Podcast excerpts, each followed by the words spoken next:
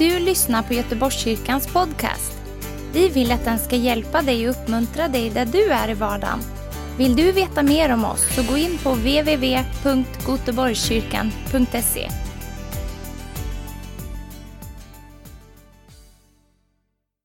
Hej allihopa! Hur många av, här, av er här var här för två veckor sedan? Ja, lite mindre än hälften. Ja, du, ja, det var också här. Ja, men vad kul. Kul att få vara här. Och tack för förtroendet, Christian, att få komma hit. Och tack Jesus. Allt det här, det är bara för Jesus, äran till Jesus. Jag har lite ont i halsen så jag har en halstablett som ni vet, men det ska gå bra i Jesu namn. Eh, ja, för er som inte vet så heter jag Gabriel. Eh, uppväxt i Stockholm, Bredäng. Eh, jag tänkte berätta lite om vad Gud har gjort i mitt liv.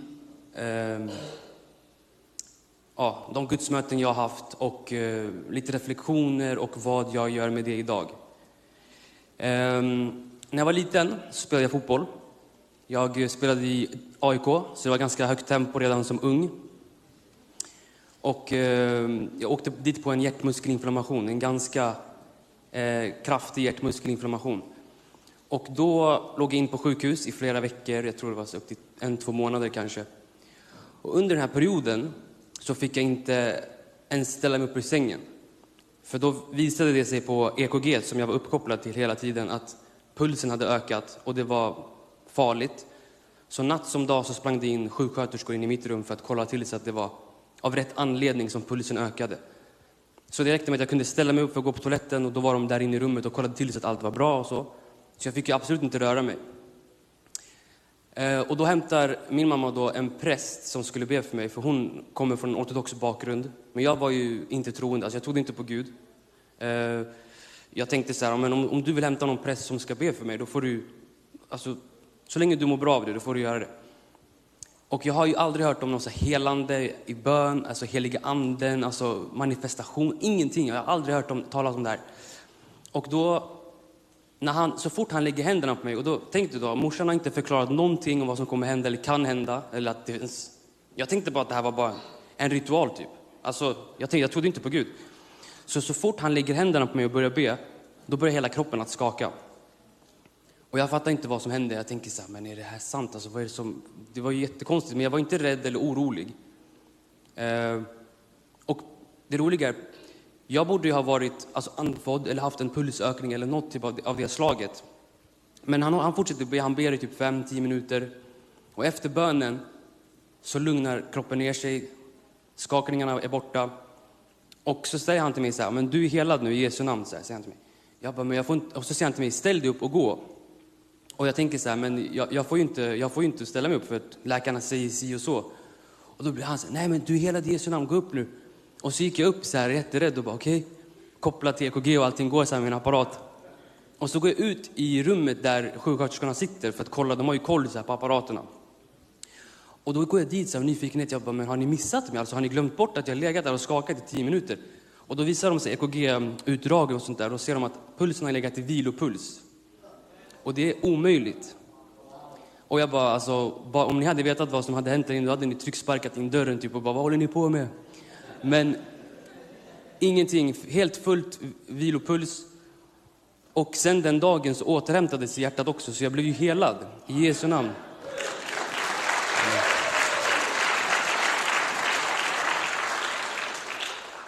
Ja, det var första gudsmötet. Tack Jesus. Alltså, det var ju, jag var ju fortfarande för ung för att fatta allt det här. Eller dum, jag vet inte. Och eh, åren går och jag börjar liksom hamna ute i världen. Jag började hamna med, med vänner som inte tror på Gud, eller tror på Gud, men typ muslimer, eller ateister, hinduer, buddister och så vidare. Aldrig någon som trodde på Jesus eller kristen. Och vi hamnar också i kriminalitet. Eh, många av mina vänner som jag växte upp med har gått bort i skjutningar och sånt där. Så jag har förlorat mycket vänner genom sånt mörker också. Men varje gång man pratade om Gud av något slag och jag, det var någonting som alltid ringde en klocka och bara, men kom ihåg det där som hände på sjukhuset. Det var ju något övernaturligt. Och jag ska klämma in det här när vi pratar om Gud. Men varje gång jag pratade om Gud i det här sammanhanget, speciellt från muslimernas sida, då var det så här, men du kan inte möta Gud. För de tror ju inte på den personliga relationen, att Gud kan komma in i våra liv och göra förändringar så. utan Gud är distanserad i islam. Och jag tänkte så här, men det kanske är sant, det kanske bara var en slump, det kanske bara var jag som låg och skakade där. Och du vet, åren går och man tänker att Gud kan inte möta oss. Eh, ja, åren går och jag hamnar i, som sagt, i kriminalitet och väljer mina banor, mina vägar i livet.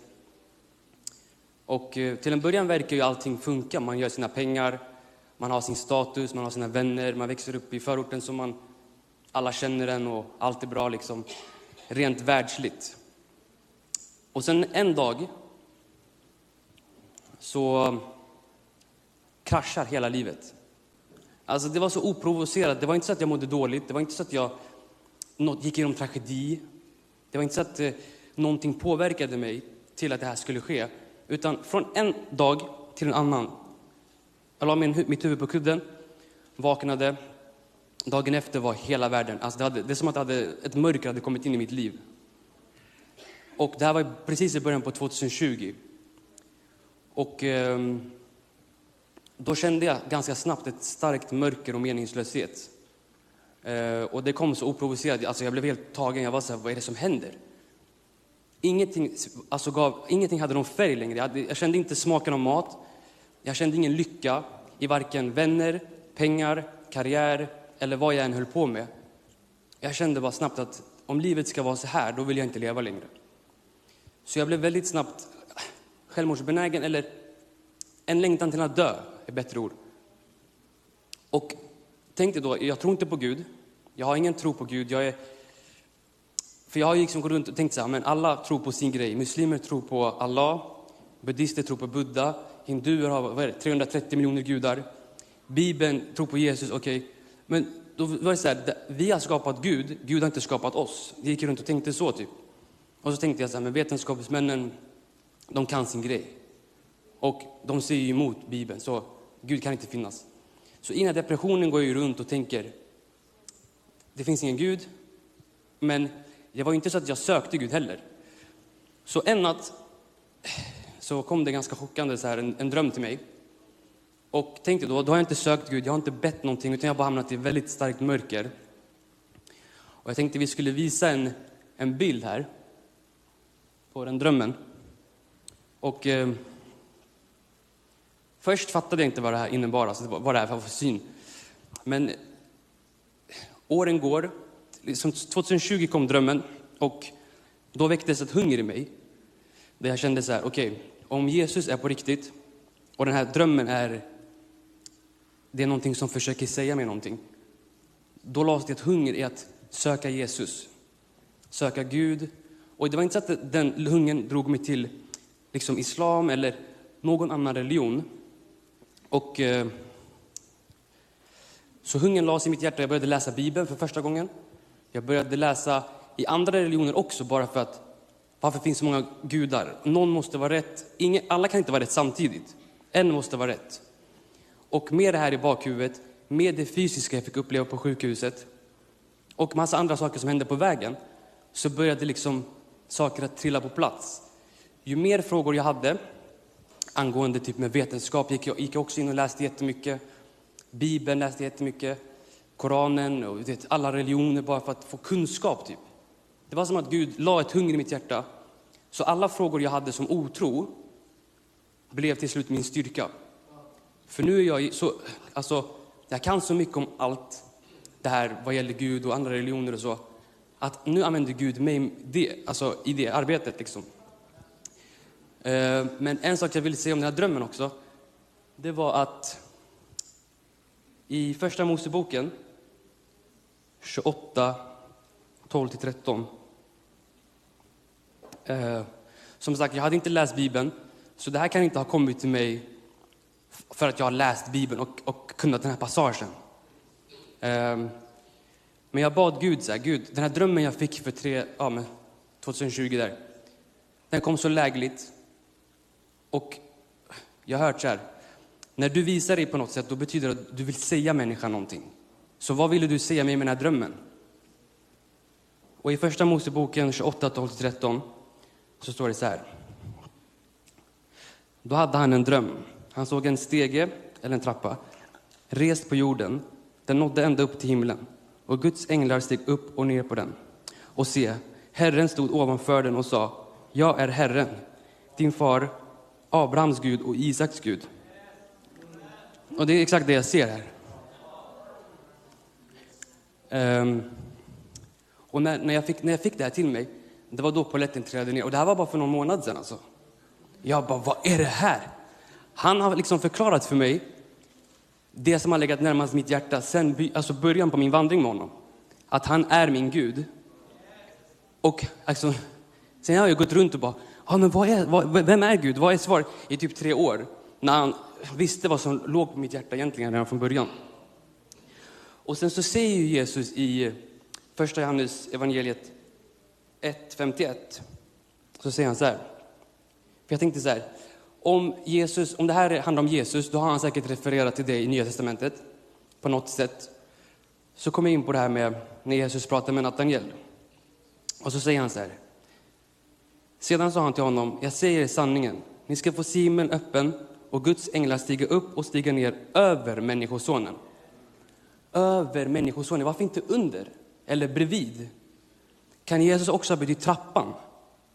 Alltså utan honom kommer inte vi till himlen. Så han ger en liknelse om att han även är vägen, sanningen och livet, trappan. Och det här har forskare kommit fram till att det han hänvisar till här i Johannes 1.51, det är just Jakobs drömmen. Fast han visar honom att han är vägen. Som, som Jakob, trappan som Jakob då fick se. Liksom. För utan trappan, utan Jesus, då kommer vi inte till eh, det, det som är lovat. Vi, vi, kan inte få connect med, med Gud på det, på det sättet. Och när allt det här började trilla ner, det var som att så här, Gud, du har ironi. Alltså, du, du låter mig liksom gå i tre år, forska, läsa sönder mig flera timmar om dagen bara så här, i allt möjligt. När egentligen du visade mig drömmen det första du gjorde. På min vandring liksom. Men har jag fattat att det han har utrustat mig med de här tre åren, det är för att kunna hjälpa andra sen. Så alla frågor som jag har, har blivit till min styrka, eller alla frågor jag hade, har blivit till min styrka.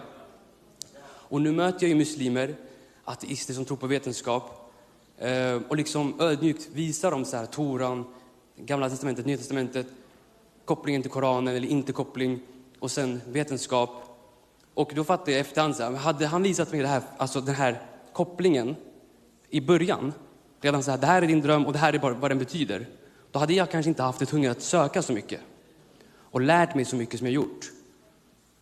Um, så det jag gör idag med, eh, ja, från att komma från botten, liksom känna att allt är helt meningslöst om inte Gud finns, till att liksom använda allting som jag har lärt mig idag till att dela vidare till andra.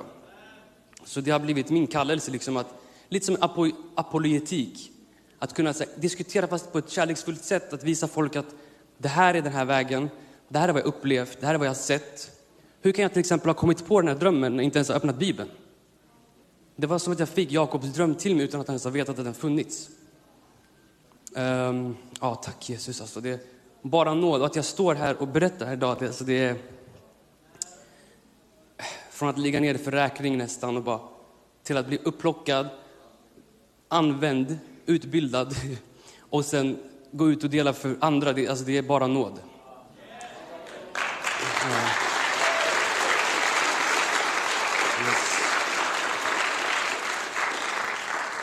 Och bara lite snabbt, det jag vill dela med er, så här, för det handlar ju om att gå ut, våga kliva ut, våga möta andra, våga vittna för andra. Tro mig, alltså, även om det inte verkar som att personen tar emot det, dela det du kan av kärlek och låt Herren göra resten. Alltså jag känner så många som har varit så, så stenhårda människor. Bets, René, Martin, vi alla har varit de här som alltså vandrat våra egna vägar. Men nu sitter vi här och nu älskar vi Herren och vi delar allt vi kan för Herren. Och det är inte vår egen kraft. Det här är någonting som Herren har, som Herren har um, lagt på våra hjärtan. Liksom. Och det är eh, en uh, mammas böner, en väns böner, en pastors böner. Lite delat ord här, lite delat ord här. Uh, så fortsätt göra det. Och av det jag vet med mig idag, det är verkligen att det här är sant. Jag har alltså offrat så mycket tid på det här. Jag har försökt så mycket i min egen kraft innan det här. Jag har inte varit den här som lätt tar, tror på saker bara för att... Tänk, jag har fått uppleva fysiskt hur hela kroppen skakat. Jag har fått uppleva vision, eh, visioner även, nu har inte jag berättat det, men drömmar som är bibliska innan jag ens visste vad Bibeln sa. Jag har forskat i alla typ skrifter och försökt få förstå logiken och kopplingar. Så att jag har liksom lite av allt möjligt. Så jag kan känna så här, jag är nöjd med det jag har lärt mig. Jag är väldigt kritisk till mig själv och det, det jag lär mig. liksom. Så ja, jag skulle um-, uppmuntra er också att idag så här, gå ut själva, läsa lite grann, försöka förstå själva, utbilda er lite grann så att ni lättare kan möta andra i evangelisationer också. För det är väldigt viktigt. Idag är det väldigt sekulariserat och det är väldigt modernt att inte tro på Gud. Men det finns ingen grund för det. Det är bara modernt, men det, är en trend, men det, inte, det finns ingen grund för det. För jag var själv sådär, om Gud finns, då tror jag på det. Jesus ledde det till. Men om inte Gud finns, då är livet meningslöst. Då kan jag ta mitt liv idag. Det, det här sa jag för tre år sedan. För vad spelar det för om jag tar mitt liv idag eller om 30 år? Det är en droppe i havet i den här världen. Så för mig var det, jag var likgiltig. Um, ja. Och det är viktigt att liksom lära sig det här för att det finns mycket lögner där ute. Ja. Amen. Tack så mycket för mig.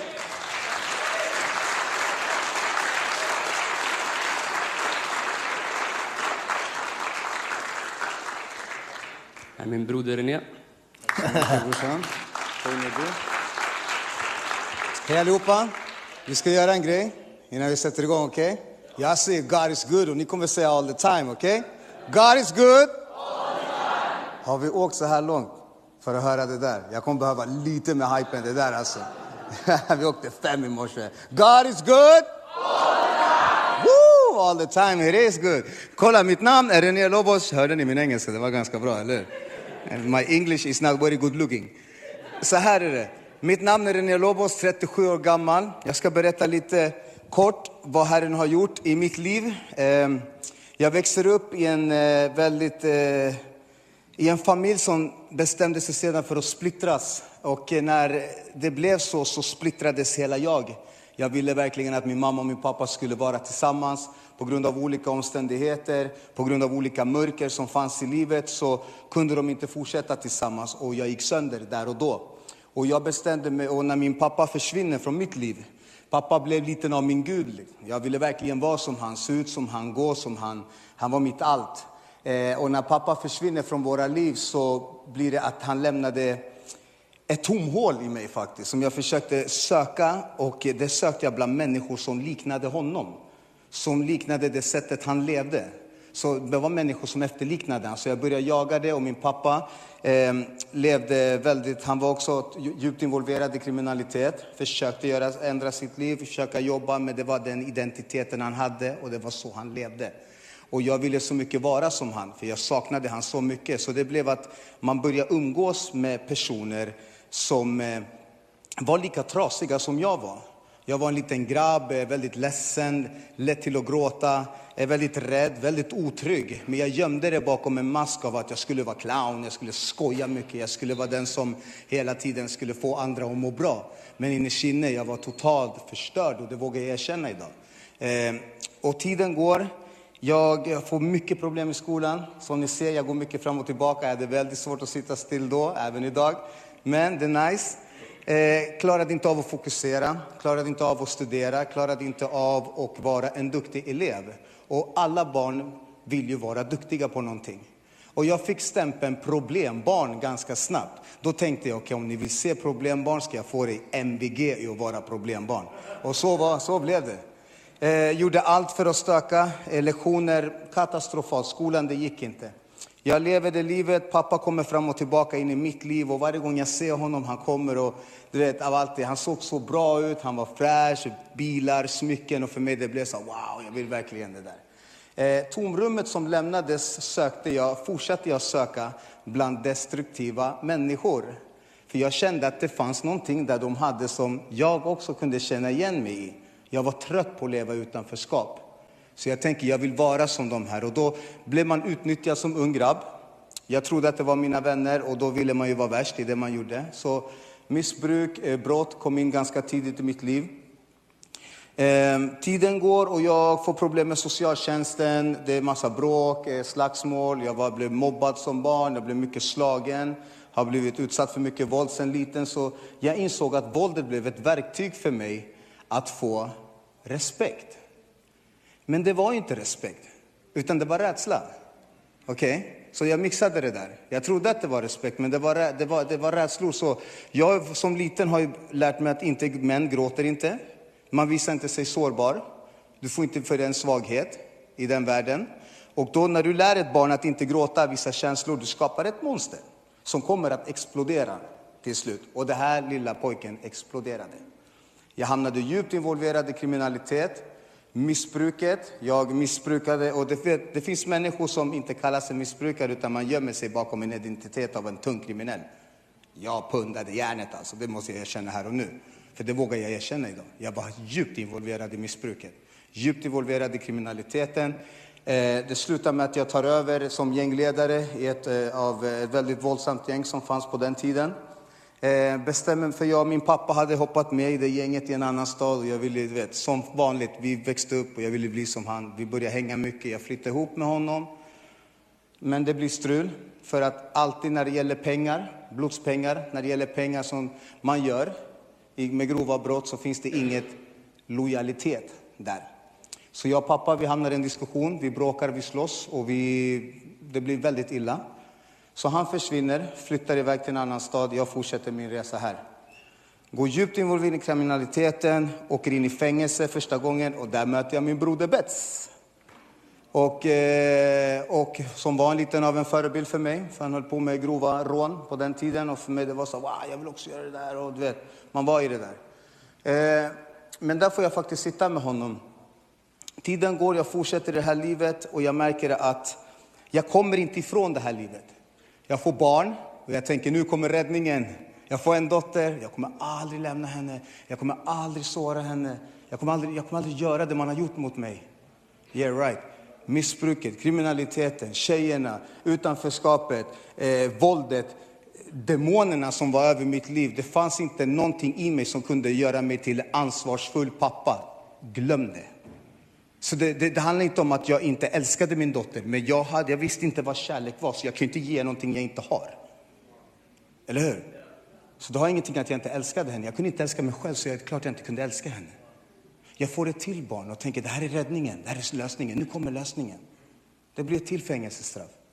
Det blir grovare brott, grovare rån, grovare vapenhandel, grovare narkotika, grovare missbruk. Till sist så bestämmer jag mig, 2013 så dör min pappa. Och min pappa dör, och när han dör, om det var mörkt i mitt liv innan, det blir kolsvart. Jag ser ingenting. Jag kör fartblind, det är tunnelseende, jag ser ingenting. Jag knarkar på ett sätt som man... Det, är så, det blev så andligt. Jag har bokstavligen suttit och dragit kokain i toaletten och pratat med demoner. Alltså jag har vänner som har, suttit, ah, de har kommit in och de ser mig där nere. Jag sitter och de, han bara, vem pratar du med? Kom det räcker nu, tyst, gå ut härifrån. Jag pratade med, jag pratade med min vän, sa jag. Det var, det, var, det var en demon. Han satt ner och pratade med mig. Det var på den nivån. Och det var våldet eskalerade. Jag jobbade mycket med att skada människor för pengar. Liksom. Och inte ens det klarade jag av. Jag kanske här fick ett jobb att jag skulle göra en grej. Det gick i överdrift. För allting var så mörkt. Så jag kunde inte se något. Jag kunde inte känna något. Jag var bortdomnad. 2016 kom jag ut från fängelset. Min sista anstaltstid gjorde vi åkte fast för ett, ett, ett, ja, ett försök till ett, ett grovt rån som vi skulle utföra, som inte gick vidare. Och det finns ett, en mening till att inte den gick vidare. Alltså att det inte, inte gick igenom. Förlåt. Jag kommer ut, jag hade bestämt mig redan där inne för att jag, började, jag träffade en präst inne på häktet. Och han var den enda jag kunde sitta och prata med om mina inre demoner. Utan att de tänkte den här killen mår inte riktigt bra. Nej, jag mår inte bra, men det finns demoner i min cell. Det finns demoner i mitt inre. Jag, jag satt i en, i en så säkerhet, på en säkerhetshäkte, i en säkerhetsavdelning, i en säkerhetscell. För, alltså det var säkerhet på säkerhet. Jag fick kasta ut sopor genom, genom så en liten lucka. För så skadlig jag var mot mig själv och mot andra. Så det, då mår man inte bra. Och det här är sanningen till folk som lever i det här, som ser det här. Det här är sanningen på den livsstilen, på vart det kan sluta. Och jag behöver säga det här på scen. Det är mörkt. Och när jag kommer ut därifrån och min mamma, min underbara mamma, du vet, mamma har sökt Jesus överallt. Hon har varit Jehovas vittne, mormon, katolik, hon har varit, you name it. Hon har varit överallt. Och när jag kommer ut från fängelset så mamma, hon, allt som vanligt mamma, älskling, jag har hittat en kyrka. Och jag var så mamma snälla släpp den här Jesus vill inte ha med oss att göra. Han vill inte ha med oss att göra mamma. Lägg ner. Och hon var så här, men följ med till den här församlingen. Jag lovar, så om du följer med, jag bjuder på mat och så, okej. Okay. Hej, jag satt, ett, jag, satt, jag, satt, jag satt ett antal månader, tro mig, jag ville äta någonting riktigt gott. Och hon sa att hon skulle bjuda på en lunchbuffé och jag tänkte, vem tackar nej till mat? We got a deal. Jag följer med dit och jag, eh, jag kommer till kyrkan och du bjuder på en lunchbuffé. Jag följer med där. Jag hade varit i kontakt med en kyrka för, för, för några år sedan i början innan jag hann så verkligen jag, jag, kunde inte riktigt se det här med nåden, kärleken. Jag kunde inte ta tag i det, för min identitet var inte där. Jag är inte älskad. Jag är, kolla hur jag har levt mitt liv. Jag har blivit illa behandlad sedan jag var barn. Förstår ni? Så, jag ser inte mig själv som det här med, oh, men Gud älskar. Ja, men gör det. Men varför fick jag gå igenom det jag gick igenom då? Om du älskar mig. Jag har ju sett honom på bilder. Hemma. Jag har sett honom på, alltså man sett han överallt och han bara lider. Vad ska han göra? Han kan inte ens rädda sig själv. Ska han rädda mig? Ska han rädda dig mamma? Nej, han har inte gjort det. Så jag var sant, jag bara, men strunt samma, jag ställer mig här bara. Och så kom jag till den kyrkan, så, och det är i Stockholm, Santa Clara, jag älskar den kyrkan. Betyder väldigt mycket för mig, för hur djupt involverad min pappa var i kriminaliteten, så älskade han gå dit ibland på kvällarna och hjälpa och dela ut soppa och eh, te och bara, du vet, han lärde mig alltid att man skulle vara snäll mot missbrukare. Pappa sa, ge dem aldrig pengar, ge dem bröd och ge dem vatten. Och ligger de och sover så lägg dem bara där, sen när de vaknar så får de det. Och det och växa mellan att vissa bara, men din pappa, han, han blev kallad för demonen. Det var hans smeknamn. Och ändå se de här sidorna av honom, för mig det var så här, du vet, det blev en sån krock för mig. Man blev så förvirrad liksom, för jag visste att han var så god. Och vissa människor bara, han är ond och så här. Visst, hans handlingar var onda, men inte han. För han var Guds barn. Så när jag kommer till den församlingen, till den kyrkan, det var så, för den påminde mycket om pappa liksom. Så jag bara, men jag kommer dit, kommer in, jättekaxig alltså. Förstår ni? Kommer till kyrkan kaxig. Och jag går fram så här. Och det står så här, två volontärer, jättesnälla. Jättesnälla. Alltså helt så här, helt så snälla. Hej! Hej, välkommen! Och de står i min väg. Och jag är van att folk brukar flytta på sig när jag kommer så där, du vet. Men de flyttar inte på sig. Jag bara, varför flyttar de inte på sig? Knas. Och så, det är fullt tyvärr. Du, du nekar inte en kriminell en plats någonstans. Inte på en klubb, ännu mindre i en kyrka. Och du vet, jag bara ser min syster komma där bak. Bara, Nej, vi har en plats till honom. Vi har en plats till honom. Och hon bara, men välkommen in. Och jag bara, exakt. Ställer mig, går in och så står jag i kyrkan. Så här. Så arg. För alla är så glada. Vad är det ni är glada över? Och hur kan ni alla se perfekt ut? Vad gör ni ens i kyrkan? Ni inte, vad vet ni om synd? Helt perfekt, alla bara ser jätteglada ut och sjunger och lyfter händerna. Vad är det här? Och jag ställer mig och så helt plötsligt så bara faller jag in i lovsången. Och, och bara, vänta, håller jag på att börja gråta nu? Skärp dig din lilla fegis. Om du gråter, din lilla bling bling. Jag kommer inte droppa det jag sa till mig själv här alltså. I won't do that. Men jag sa så fula saker till mig själv. Vad din ynkliga, svaga lilla lalla. Till sist, jag kunde inte stå emot helige andens kraft. Och jag, och jag blundar, blundar och så kommer det. Och jag bara gråter, gråter och gråter. Men vet ni, jag grät. Jag har gråtit av sorg, av smärta, av ångest. Jag har gråtit av allt, men det var första gången jag grät av lättnad. Alltså jag led av panikångest för jag hade lämnat mitt liv. Jag hade gått in en, och fått hjälp att lämna kriminaliteten. De tog bort telefon, de tog bort mina vänner, de tog bort drogerna, de tog bort våldet, de tog bort allt. Och jag får panikångest över att det är så lugnt i mitt liv. Då får jag panikångest och lider av värsta attackerna. Det är den sista dagen jag upplevde, alltså därifrån framåt till att jag döpt mig, att jag, den, den panikångesten försvann. Den försvann. Och jag, vi har kollat bak mig, vänta när var det sist jag fick panik? Nej men det måste, nej men nej, det var så, sluta bråka, du försvann där och då. Och jag bara kände hur, hur, hur kraften kom. Och efter lovsången så, så och, mötet, och det var det här, den här talet som den pastorn hade. Och det var så här, den här pastorn sitter och pratar exakt om mitt liv. Så jag kollar med den snedaste, argaste blicken på min syster och bara, hon har golat ner mig, hon har berättat allt.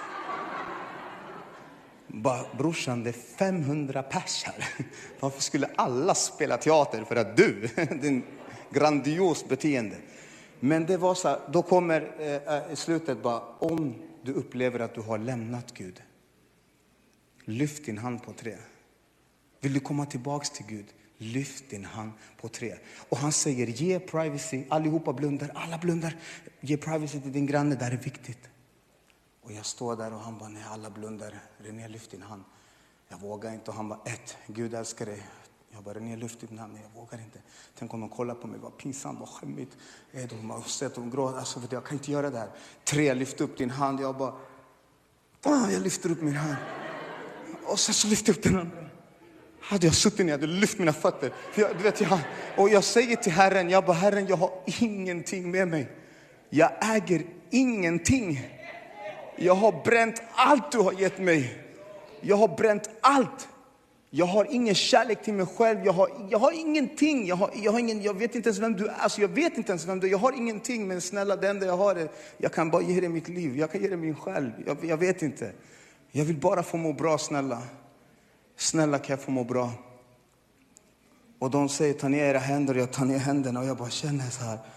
Oh, det, var, alltså, det var så skönt. Och jag är på väg och allting, det var jätteapplåder och allting. Vi ska gå därifrån och så bara kommer det fram en kille jättetrevlig. Hej!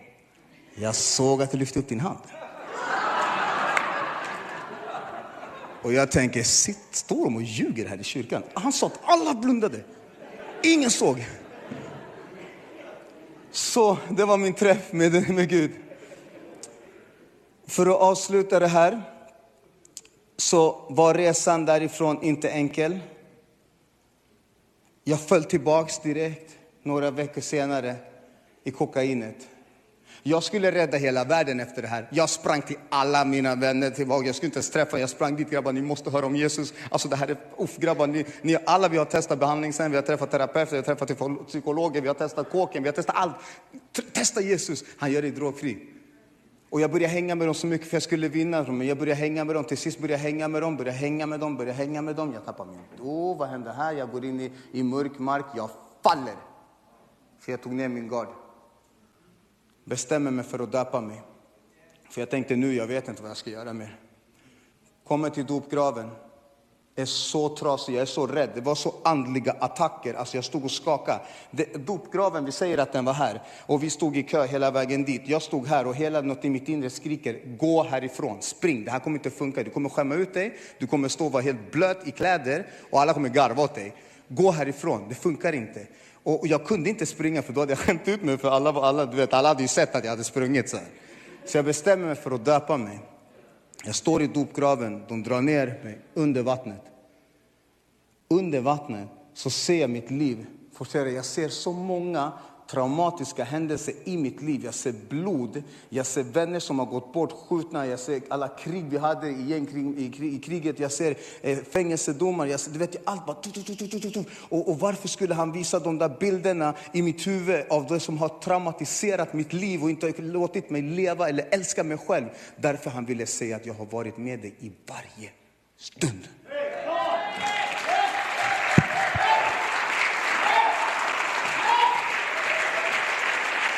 Det, det är Jesus. Det är Jesus.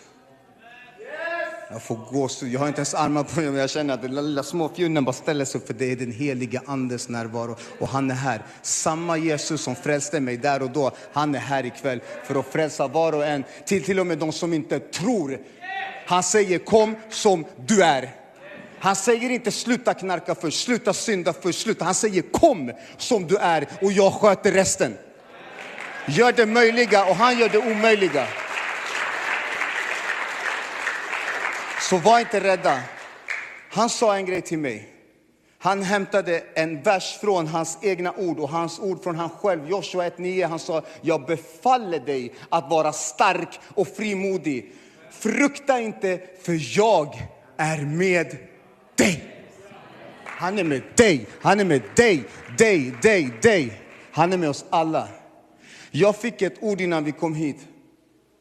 Kliv ut när jag hörde det. Jag tänkte wow, vet ni vad Herren sa till oss? Vi gick i värsta dunderbönen i bilen och jag bara kände, jag, bara, jag kan inte blunda för vi kommer krocka. Men, men vet, vi bara började be i tungor och jag hör Herren säga att jag ska säga, kom fram. Jag vet inte vad det är i ditt liv, men kom fram. Jag lämnar er med det här. Tack Jesus. Tack för att jag får vara här. Tack för förtroendet. Men kom fram. Tack.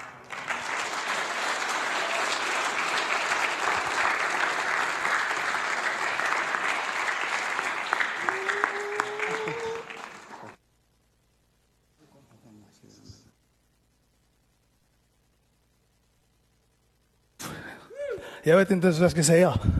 Jag är helt taggad. Jag är helt exalterad här nu. Jag vill bara att jag vill bara att vi ska tacka Jesus för det här underbara vittnesbörden som vi har hört. Vi bara tackar dig himmelske Fader.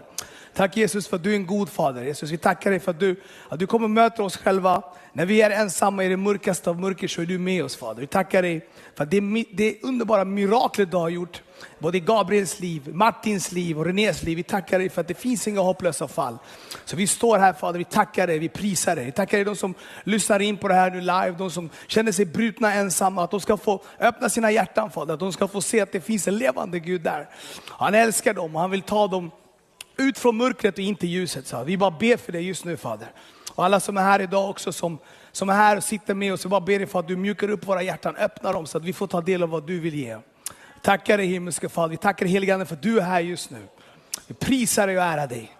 Tack för att det finns hopp i dig Jesus. Tack för att det finns hopp i dig Jesus. Tack för att det finns hopp i dig Jesus. Vi prisar dig Herre, vi ärar dig Jesus. Kedanda rababakosha. I Jesu namn. Amen. Amen. Uh. Amen. Jag vet inte vad jag ska säga här nu. Jag vill typ att det är klart, det är ju redan fixat. Men jag ska, jag ska, jag ska dela någonting eh, lite kort om, om eh, vad Jesus har gjort i mitt liv. Jag ska inte gå in i detaljer, men däremot så vill jag fokusera mig på vändningen. När Jesus liksom slet mig ut, bokstavligen från det där totala mörkret jag var i. Och han räddade mig och han satte mig i en famn som jag kunde känna mig trygg och älskad i. Och jag ska börja med att läsa ett bibelord.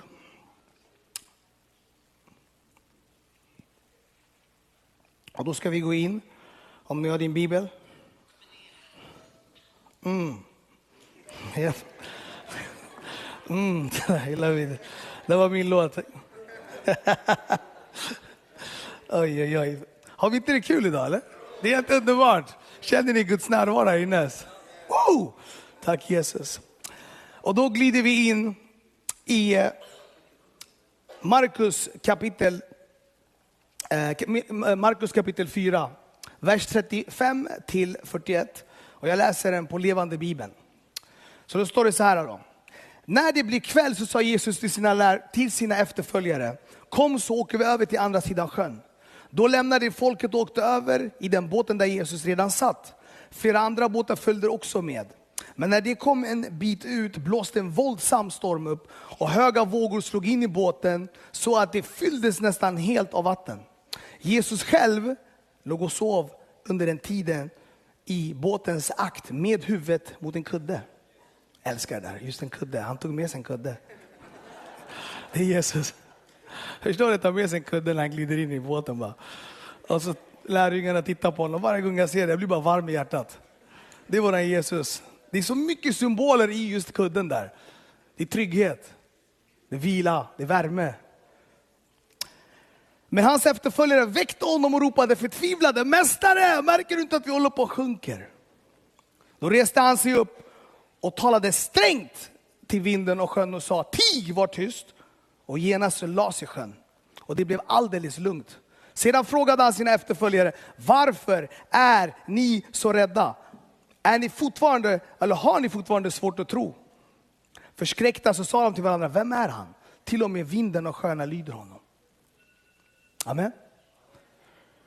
Det finns så mycket godis här inne. Varje gång jag läser det här så, så, blir jag, så blir jag så uppmuntrad av att det finns mer än bara eh, eh, båten, det finns mer än bara eh, liksom stormen. Jesus säger en sak här i början. Han säger, kom så åker vi till andra sidan, säger han. Det finns ett syfte, det finns en plan. Och kvällens predikan är, Jesus hör ditt rop. Jesus hör ditt rop. Jesus hörde ett rop på en man som låg, han satt i en ö fastkedjad. Och längre fram i den här versen då, så hör vi, då ska jag läsa det i, i, i 5.5 Markus, så står det så här, dag och natt höll han till bland gruv, eh, gruvorna, eller irade runt omkring, upp bland bergen och skrek och skär sig själv med vassa stenar. Det var en man som var fullt med demoner. Han var ensam på en plats där ingen annan människa ville ens ha något med honom att göra. Han var demoniserad som jag alltid brukar säga. Vi var demoniserade. Demoniserade och demoniserad. Just att en man som var så pass utesluten från samhället, han, han satt där fastkedjad och han hade tagit sönder kedjorna flera gånger. Och han skrek så att till och med byn kunde höra honom många, många kilometer bort. Han hörde hans skrik. Jesus sa till sina lärjungar, kom så går vi till andra sidan. Eller kom så far vi till andra sidan. Jesus hade en plan. Om vi läser där i mitten där så blåste ju en, en, en våldsam storm upp. Hur många gånger blåser stormar upp i våra liv?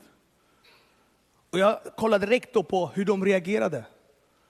Så vi brukar oftast reagera när det är tufft och när det är jobbigt så brukar vi fokusera på omständigheten. Vi fokuserar på stormen istället för på Jesus. Han vill ju använda oss att vara farliga vapen för honom i riket. Han vill att vi ska ut och hjälpa människor. Så vad gjorde han? Han tog med sig sina lärjungar på båten. Han sa till dem, kom så far vi till andra sidan.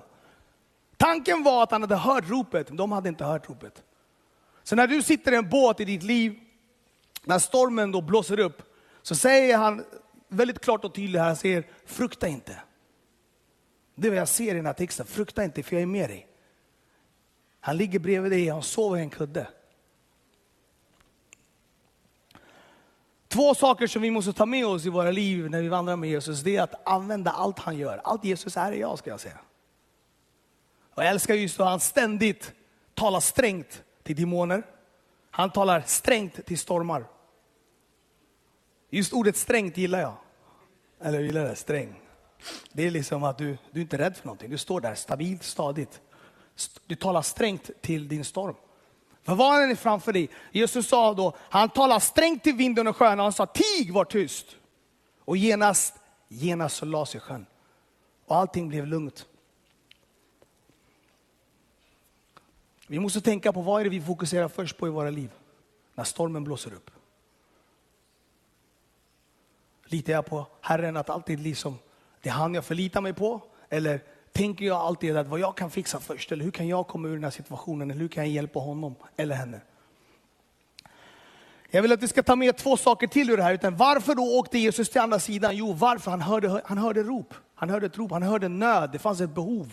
En man som ingen annan ville röra. Det var, ingen, det var inte någon som ville åka dit, de var livrädda för honom. Och jag såg mig själv som den här mannen. När René stod här och berättade om hur vi pratade med demoner.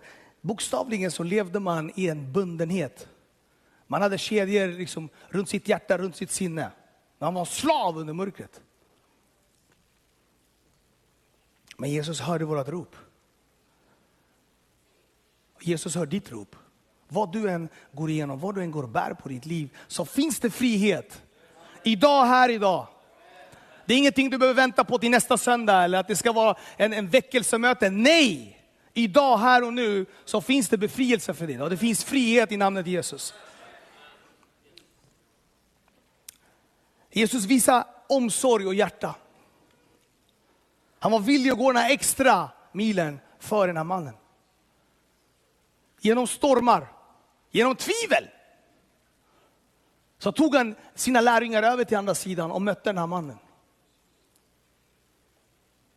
Jag spolar lite längre fram där han drev ut de här onda andarna ur honom och de flög in i, i, ett, i en gäng svin och de föll ner, eh, ner för ett stup. Och sen frågade han då ödmjukt längre ner i, i stycket, så sa han så här, jag vill följa med er i båten.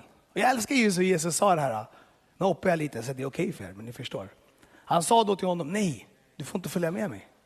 Varför sa han det för? Jag bara, ej vad hände? Åk tillbaka eller spring tillbaka till din by och berätta vad som har hänt med dig. Jag säger det igen. Han sa, följ inte med här, du ska gå tillbaka till byn och berätta vad som har hänt med dig. Och det står också att han gjorde det och många, många människor kom till frälsning. Bara av att han gick och berättade sitt vittnesbörd.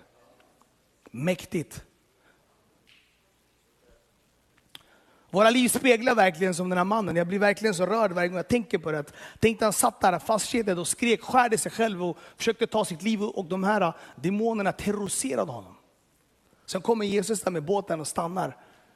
Och demonerna var ju för liv Vad vill du oss? Jesus drev ut onda andarna och gjorde den här mannen fri. Halleluja! Halleluja, jag blir så glad. Han drev ut hundarna strängt så skickade han ut dem. Och den mannen var fri. Jag vill tala om en annan sak också, att våga ha en galen tro.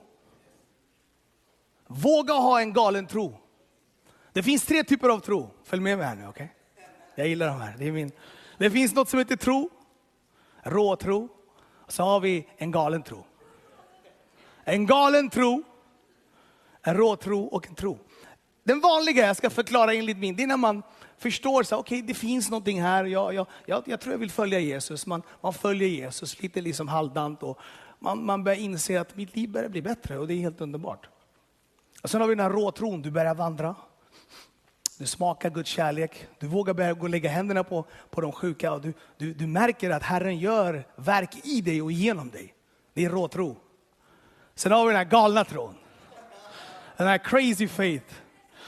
Som är helt underbar. Det är när allting ser helt omöjligt ut. Men du litar på vår underbara Fader, kan göra det omöjliga möjligt. Och den här galna tron, amen. Någonting som gnistar och någonting som tänder igång heliga andens bubblande kraft, det är den här galna tron. Det är att du vågar kliva ur båten som Petrus gjorde. Det är att du vågar liksom se att om jag bara glider igenom hela den här folkmassan och bara rör Jesus mantel så kommer jag bli helad, som den här blödande kvinnan sa. Eller som den här officeren som träffade Jesus och sa, bara du säger att han blir helad, min tjänare, många mil bort, så kommer han bli helad. Det är galen tro. Oh, jag älskar det där.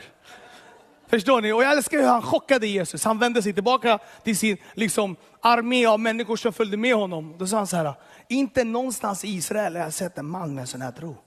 Han var inte ens jude. Han blev förbryllad, han blev chockad. Tänk dig att chocka Jesus med en galen tro. Det är enda platsen i Bibeln jag har sett där Jesus blir chockad. Han har blivit mycket, han har blivit arg, ledsen, men han har inte blivit chockad. De sa, oh shit.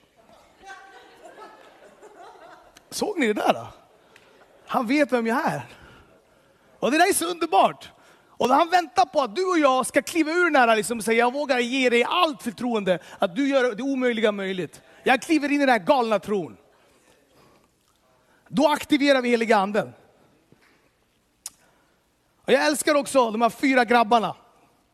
Jag ska dra en liten parallell här nu, följ med mig nu. Det var fyra bröder. Och då står det så här, vi ska läsa lite först, så ska jag förklara. Jag fick en sån vacker och stark vision om vad Herren egentligen vill säga med det här. I Lukas kapitel 5, 18, då står det så här. Då kom några män som bar en lam man på en bår. De försökte komma in män med honom och de la ner honom framför Jesus. Spolar vi tillbaka här nu. Fyra män. Då får jag se en sån underbar liksom, vision om de här männen satt och kollade på sin broder. Det var Bets, det var Martin, det var Gabriel. Och den lama mannen då, det var Bets. Och så då hans grabbar såg så vet du vad, vi har hört att Jesus är en liten bit bort härifrån, några mil. Och det är, det är 2000 år sedan, det finns ingen bil eller någonting, det finns inga liksom, vi har inte så mycket, vet du vad, vi bär våran broder. Vi tar med honom hela vägen till, till den platsen han är och predikar just nu. De bär då Bets, helt trasig, helt livlös. Men de hade tro. Och att enda de behöver göra är bära sin broder. De här milen hela vägen dit, och när de kommer fram dit så ser man att det är packat med människor. Och det är ett hus, och det, är liksom, det går inte ens att röra sig in, det går inte ens att gå in. Då får Gabriel en idé. Gabriel säger, vänta, jag går runt huset, jag gör en stege. Vi har hår i taket, så hissar vi ner Bets och så lägger vi honom framför Jesus. Och René sa, skitbra idé. Och Martin sa, jag fixar stegen. Bets ligger där och bara helt hopplös. Men tänk er nu, det står väldigt, när man läser det snabbt, så står det så här, det var några män som bar på en lam man på bål och de försökte komma in med honom och lägga ner honom framför Jesus. Att bära en man, fyra stycken, lam man, den här biten, tänk en lång bit. Följ med mig här nu. Kommer fram dit, du har säkert tagit honom en mil, säger vi, du har bärt honom en mil. Det är tröttsamt. Du kommer fram dit, ingen vill släppa in dig. Ingen av dem tappar modet. Gabriel byggde en, en stege och han klättrar upp dit. Vem vet ens taket håller? Jag tänkte så här, vilka, vilka genier det här måste ha varit. Han klättrar upp på taket, han gör hål. Och så, säger, så ska man få upp då den här lama mannen. Alltså hänger ni med vilken, vilken ingenjör liksom. Och inte nog med det, hur kan du hissa ner en man perfekt framför Jesus med fyra rep? Du vet att balansen, om, jag, om den andra släpper för tidigt, då ramlar jag och jag ligger där framför Jesus. Eller tänk om jag träffar Jesus och ramlar framför honom ändå. Hänger ni med mig? Vilket liksom engagemang som finns här. Det är inte engage- tron bakom det ger engagemangen. Förstår ni? Tron bakom det, det är då så, engagemangen är inga problem. Dina kreativitet flödar. För du vet att det enda du behöver göra är lägga honom framför Jesus, så blir han helad. Att man kan ha tro för sin broder och sin syster. Att man kan bära deras bördor. Och det står så här, lite längre ner, så står det, när, men när då eh, folksamma, folkmassan skulle eh, inte fanns något sätt att komma in med honom, gick då upp på taket och firade ner honom på bår mellan takteglarna, mitt framför Jesus. Det är Bibeln, Bibeln ljuger inte. Mitt, alltså förstår precisionen. Och så står det så här, Jesus såg deras tro. Oh, han såg deras tro. Och han sa, mina vänner, du har fått syndens förlåtelse. Halleluja. Jag tror inte ni förstår det här. För mig det här är ett, ett genidrag. Jag har gjort ett rån då som jag klättrade ner. Jag vet varför jag tycker det var så coolt. För jag, jag gjorde ett hål i tak och vi kom ner och vi gjorde ett rån många, många år sedan. Mitt gamla liv. Och det kräver mycket jobb. Och vi hade motorsåg och hela den här grejen, förstår ni? Här är det liksom en enkel, fyra enkla män som älskar sin broder och de vet att om de bara lägger honom framför Jesus så kommer han bli helad. Och vad hände? Han ställde sig upp, han blev helad. Hans synd blev förlåten. Jesus såg deras tro. Jesus såg deras tro. Engagemangen kom bakom tron. Vi har många liksom, människor i vår omgivning där vi kan tänka så här, ah, kommer det gå bra för honom eller henne? Ja, det är ju som det Så går man och gör den här grejen. Att man bara liksom pratar om individen istället för att se den. Istället för att höra dens rop. Istället för att gå till den här extra, extra milen för honom eller henne. Att älska den precis som den är, utan fördömelse. Och inte gå där med din skinande lilla liksom, utrustning och du ska liksom se på en annan människa hur du ser ut istället för att se för vem han är och vad han behöver, eller hon behöver. Vi måste slänga bort våra liksom, fina beteenden och älska människor och möta dem där de är i sitt liv. Höra deras rop som Jesus säger.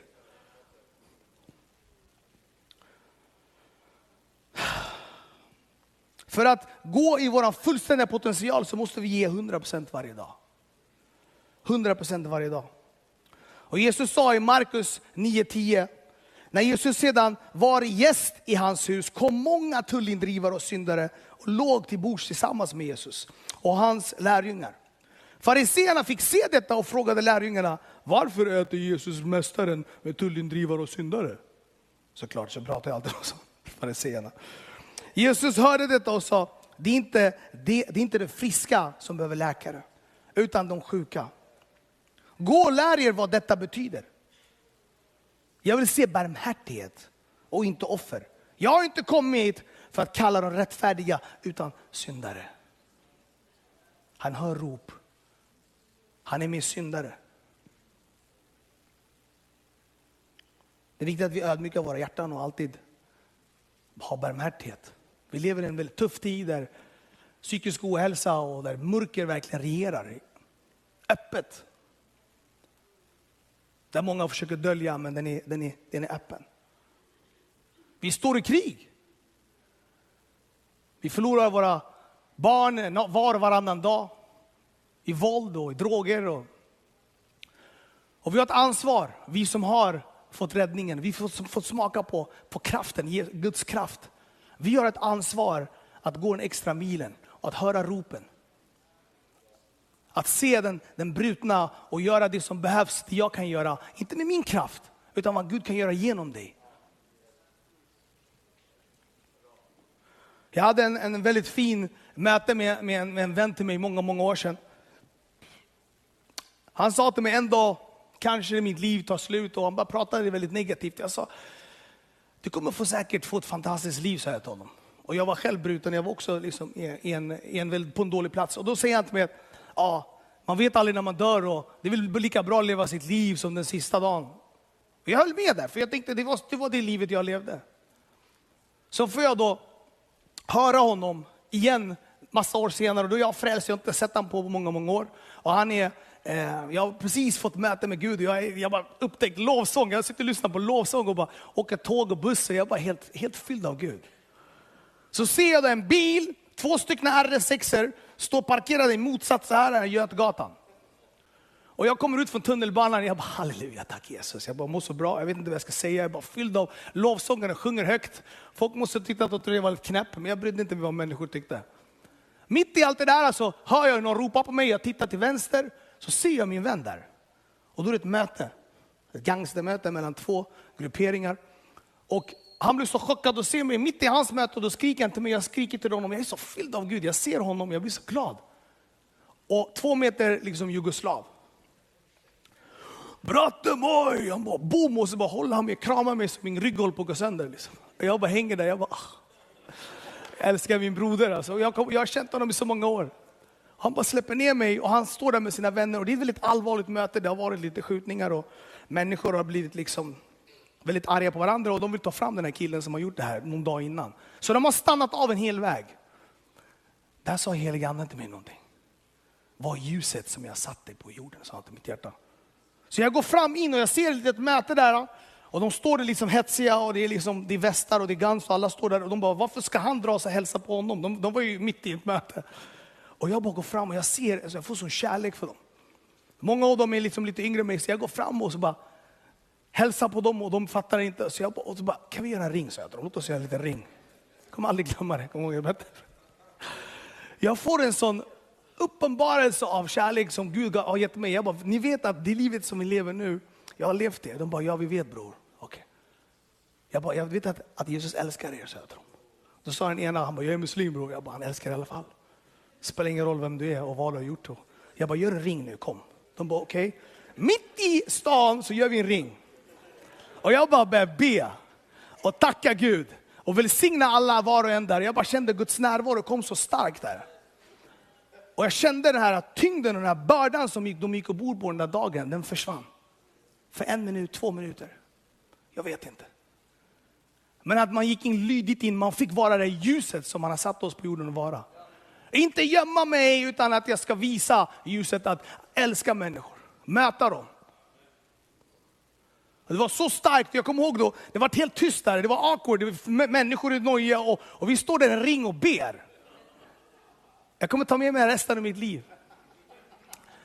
Efteråt så vart ju alla liksom lite, alla visste inte vad de skulle göra. Det, det, Guds närvaro är så stark, det var någon som skakade ben. Och, och efteråt så går min vän då för sidan, han bara, kan du be för mig? sa han till mig. Jag bara, absolut broder, så får jag be för honom. Jag känner han har dubbla västar, stor han är. Och jag bara ber och bara tack Jesus för min bror. Jag bara välsignar honom och bara blodets beskydd. Och jag känner hur han bara skakar och han bara kramar om mig. Han säger, jag bara bror vad gör du egentligen? Så jag till honom, vad är det du gör med ditt liv nu? Och då förklarar han för mig att just nu är det liksom en soppa och saker och ting liksom är väldigt, väldigt rörigt. Jag bara, okay, har du något specifikt vi kan be för? Han bara, jag vill ha frid, sa han. Jag vill ha frid, vill han. Och det var det första Jesus gav mig, frid. När jag tog emot honom 100 procent. Och jag fick be för honom och han kände frid. Jag kommer aldrig glömma det. Och jag gick därifrån fylld av Gud och, och jag gick in i, liksom, i tunnelbanan och gick med en smile i mitt ansikte. Jag gav honom mitt nummer. Några månader senare ringer han mig. Jag kom precis ut från häktet sa han. Han bara, jag har aldrig varit så glad. Jag bara, vad händer bror? Han bara, du förstår inte, sen den dagen du har bett för mig så har jag känt änglars beskydd. Och jag, varje gång jag har bett samma bön du bad för mig så har jag fått frid. Så Gud har bara liksom, har tänt, han har tänt en, en, en, en gnista i honom, en brasa har börjat brinna. Helt mäktigt hur Gud kan använda oss i alla lägen. Förstår ni? Att vi vågar kliva in och är de människorna som han har sagt att vi är. Vi är nya skapelser, vi är ljus, vi går kraft i auktoritet. I det namnet Jesus som vi har fått. Använda det frimodigt. Och min vän nu har ett mycket bättre liv än han hade innan. Och det är inte mitt problem, eller det är inte min tanke konstant att, att följa upp och följa upp. För jag visste att det där höll på att döda mig förut. För att jag kan bara göra det Gud vill att jag ska göra. Du ber för någon, den andra liksom delar ordet till någon annan och tredje personen kanske får äran och liksom leda till frälsning och den andra kan döpa honom. För Gud använder oss alla olika och bara ta det ansvaret du har fått just då och där och göra det. Jag kommer aldrig glömma en annan gång, vill ni höra det här? Jag sitter i tunnelbanan och då kommer, då kommer det liksom en, en, en, man som går fram och tillbaka jättestressad. Och folk blir nojiga, han går fram och tillbaka. Så här, pratar med sig själv. Han vet inte riktigt vad, och, och alla är jätterädda och, och jag kommer ut från tunnelbanan, lyssnar på lovsången, jag tittar på Jag bara kollar på honom och bara fastnar min blick. Så jag går fram till honom. Han bara vänder sig om, han blir lite rädd. Jag bara, jag bara hur mår du broder? säger han. han bara, inte bra. Jag bara, okej, okay, får jag be för dig? Så jag be för honom. Hans hjärta gick så snabbt så jag kände den i min hand. Jag vet inte vad som hade hänt i hans liv, jag har ingen aning. Jag bara bad att Gud skulle möta honom. Att han ska få frid, allting han behöver i sitt liv ska han få. Jag bara bad för det och, bara, och han fick knappt någon ansiktsuttryck som var annorlunda än vad det var. Han såg stressad ut. Och Gud sa till mitt hjärta, han sa till mig, nu har du gjort ditt, låt det vara. Jag har ingen aning om vad som hände med honom. På tre veckor, fyra veckor, fem veckor, två månader senare så får jag se en kille som sa till mig, jag ser honom på ett möte, då sa han så här, det var en kille som du bad för. Han hade fått en nöd att gå till kyrkan två dagar senare. Han gick in i en random kyrka. Han klev in i den där kyrkan och han hör, ett, han hör om, om evangeliet, han, han hör om Jesus. Och det är en frälsningsinbjudan, han går fram och tar emot Jesus. Och efter det, några veckor senare, så döper han sig. Och idag är han en fullt brinnande kristen som går ut och evangeliserar för människor. Hur Gud och underbar han är. Det är helt underbart hur Gud kan använda oss i alla lägen. Var inte rädd. Var inte, bli inte fylld av dig själv, bli fylld av Jesus. När vi är fyllda av oss själva, då bromsar vi in oss själva. När vi är fyllda av Jesus, då går vi i hans takt. Amen. Jag vill bara avsluta med en grej här. Det finns olika slags fångenskap. Om du sitter här idag, om du känner ditt liv, att du har fångenskap i synd, i lögner, besvikelser, självömkan. Det finns massa saker som kan liksom fånga oss och hålla oss bundna i våra liv. Så har jag goda nyheter till dig idag. Idag finns det frälsning, idag finns det räddning för dig. Här och nu idag så vill Jesus möta dig, han vill befria dig från din fångenskap. Han har hört ditt rop. Du kanske inte har ropat ut, men han hör ditt rop ändå. Så jag vill bara säga till dig, om du är här idag och du känner, jag vill inte leva med det här och det här och det här. Om du känner att du har psykisk ohälsa. Om du har bitterhet i dig, oförlåtelse så vill Herren hela dig från det. Han vill rädda dig från det. Han vill bryta dina kedjor. Han vill riva ner dina murar. Så att du kan få bli den, full, den fullständiga människan som han har skapat dig till att vara. Jag satt i en källare för fyra och ett halvt år sedan och tänkte avsluta mitt liv. Och så frågade jag Gud varför mitt liv svider, varför är mitt liv så här hemskt? Jag orkar inte. Jag orkar inte med mitt liv. Jag hade träffat René en vecka innan det, en månad innan det. Och de hade bett för mig, de har bett för mig på hans hemgrupp. De satt och bad och bad för mig. Tre olika personer, tre olika kriminella individer sitter i samma hemmagrupp och de ber för mig och de har ingen aning om att de ber för mig. René säger, ja, jag har en broder jag vill be för också. Liksom. Jag har en broder. Och sen säger den andra, jag, jag har också en broder. Som, han, är, han har varit fin mot mig och jag vill be för honom. Och den tredje bara, jag har faktiskt också en broder. Han har varit vilsen länge här nu. Jag vill be för honom också. Det är helt sjukt. Det är inte, alltså, de sitter och ber. Och du tror inte då veckan innan min genombrott, så alltså, glider jag in i kyrkan. Bror! Den andra bara säger, ja, vi har bett för dig. Då kollar de på varandra. Och alla tre är i samma, de är i samma hemmagrupp. Jag har också bett för honom. Känner du han? Jag bara, ja. Och då fattade jag att Gud har använt människor som, jag inte, som inte kände varandra men som kände mig. De bad för mig. Och det där följde med mig hela den, här, hela den här månaden, tills den där dagen i den där källaren. Jag sitter och håller på liksom meckar upp en pistol och sitter och dricker liksom vodka och drar massa kokain och käkar tabletter. Jag är bara trött på mitt liv. Och jag vill bara liksom avsluta allting. Jag, jag är så trött. Och den här månaden efter jag hade träffat dem i kyrkan där, så hade jag försökt ta mitt liv två gånger. En gång var jag åkte en polisbil från Stockholm, liksom från, från början av stan, i, nästan till slutet av stan, i, mitt i natten, 120-130 km i timmen. Och ville att polisen stoppar mig. Min plan var att när de stoppar mig, så ska jag då kliva ut och så ska de skjuta mig. Suicide by cop, det var det min plan var. Så jag har haft min pistolen, jag lägger den i handskfacket, jag åker, jag dricker och bara försöker bli stoppad, ingenting händer stannar jag bilen, vad var det som hände? Inte en enda polis. Jag åker igen, fram och tillbaka, ingen polis stoppar mig. Och jag bara tänker, vad är det som händer? Tre på natten så står jag på Götgatan igen och så sitter jag där helt deprimerad och bara försöker dricka. Och sen kommer det fyra, fem, sex, sju, åtta polisbilar. Hoppar ur bilen och skriker, lägg dig ner, ut ur bilen! Och jag bara yes, jag är helt, jag är så full. Tagit så mycket droger, jag bara perfekt. Öppnar dörren vinglandes, tar av min tröja. Så jag börjar kolla vilken polis som ska skjuta mig först. Och de står och siktar pistolen mot mig och säger lägg dig ner! Och jag blundar och springer emot den första som jag ser som, som såg skakig ut. Jag blundar och jag ser hur han backar. Det låter klick. Han skjuter, kulan går inte av. Samma sekund så nyktrar jag till. Jag ligger på golvet, de brottar ner mig och de skriker i mitt öra. Är du helt dum i huvudet? Vill du dö eller? Bet, säger de till mig. De har haft med mig att göra många år. De tänker, vad är det som har hänt med den här killen? De slänger in mig i bilen, kör mig till, psyket. I tre dagar stripar de fast mig. Och, så, och då fick jag vara i suicide watch. Självmords, liksom, okej okay, vi måste ha koll på den här killen nu. De har knutit fast mig och pumpar in mig i massa lugnande för att jag inte ska göra skada mig själv. Kommer du ihåg vad jag läste i början? Skärde sig själv med stenar. Det är allvarligt. Demonen när han fångar dig så vill de att du ska ta ditt liv.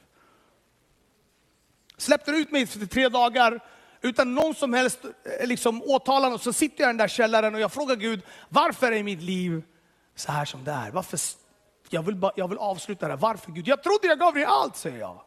Jag skrek ut, jag trodde jag gav dig allt. Jag tittar på mig själv. Får en bild. En explosion hände samtidigt. Så får jag se en bild på sidan av den här källaren. En bild på mig själv. En bild på mig själv. Det är jag, men det är inte jag. Och då säger Gud till mig väldigt klart och tydligt. Han säger till mig, det där är det en man som har gett mig allt. Fem år innan, 2014 där, när jag kom ut från fängelset så tog jag emot Jesus och döpte mig, men jag gick inte 100% med honom. Jag hade båda fötterna i båda världarna. Och då säger han till mig, det här är en man som har gett mig allt. Och då visade han mig två vägar, en bred väg och en smal väg. Den breda vägen står i Nubet. Han sa, nu är det fyra svarta hål framför dig. Du har zigzackat de två första, men de två andra kommer sluka dig. Men om du ger mig 100% bets, så ska jag göra ditt liv av mirakel under. Och då visade han mig en smal, smal väg fylld med stenar och diamanter. Och det var fem första miraklerna. Och det första miraklet, gissa vad det var? Frid. Andra var helande. Tredje var kallelse. Fjärde var frihet och sista var familj. Han visar mig de första klart och tydligt vad, vad han vill ge mig. Jag var, gick ner på mina knän. Jag var nykter. Och jag sa Jesus, jag vill ha det där. Då sa han till mig någonting som förvandlade mitt liv. Är ni med? Lyssna på det här. Han sa 99% bets eller 20%. Det är samma. Det du inte ger mig, han bara den där procenten du inte ger mig, den där sista en procenten du inte ger mig. Djävulen lägger två nollor bakom dem, sa Och han gör det till 100% i det du ger honom. Och då visade han mig mitt hjärta var av tio rum och han sa, de här två sista rummen har inte du gett mig till. Och då såg jag sorg och jag hade oförlåtelse. Som jag gick och bara bor på hela mitt liv. Och det var det som bromsade in mig. Som jag inte vågade kliva ut i min kallelse. Vågade inte kliva ut i det Gud hade för mig. Djävulen höll mig där som en slav. Jag sa ja till honom då 16 februari 2019. Och från den dagen så kom det en vulkan av eld ner i mig och jag fick smaka på frid första gången. Jag sov sju timmar i sträck, samma dag så ringde jag René, bror jag är redo. Och han sa, hämta han nu! För nu är han redo och sätter in mig i en bil, jag kommer hem och vilar i hans soffa. Och jag sov första gången i mitt liv, sju timmar utan att vakna. Utan tabletter, utan jag fick en fullständigt helande där direkt. Fullständigt helande. Och Gud är så mäktig vad han kan göra när du ger honom 100%. 99,9 funkar inte. Om jag skulle säga Martin jag älskar dig 99,9% bror. Det låter ju inte, exakt. Han skulle bara tänka, vadå, vad, vad, vad händer med de där 0,1 procenten? Förstår ni vad jag menar? Att ge 100 procent och 99,9 det är inte samma sak. Hammar du kan lika gärna skita i det, ge mig inte någonting då. Hur viktigt det är att vi går 100 procent. För då kan vi också göra 100 procent saker för Jesus. Då hör vi ropet och då kan vi gå i handling. Vi behöver inte vara rädda på att det handlar om mig, utan det handlar bara om dig Jesus. Om du är här idag om du vill säga till Gud att jag vill, jag vill ge dig 100% idag. Jag vill inte ge dig 99,9% utan jag vill ge dig 100%.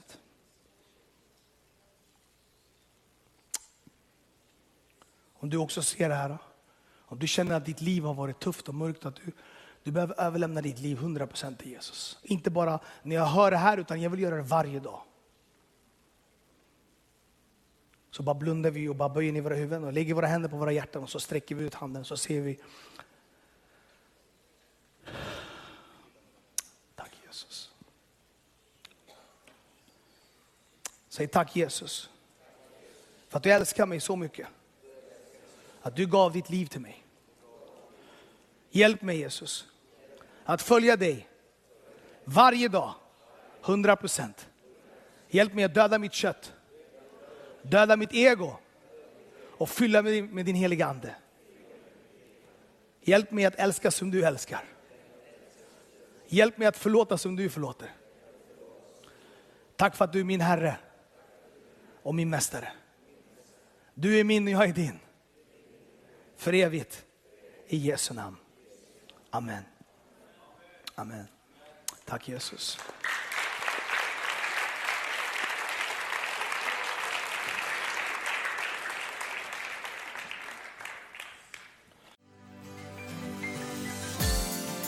För att du har lyssnat. Dela gärna podden med dina vänner och glöm inte prenumerera.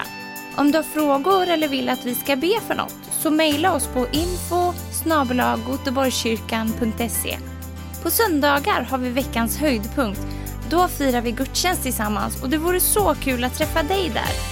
Men vi har även samlingar för barn då? Gå in på vår hemsida goteborgskyrkan.se så får du veta mer. Välkommen till oss!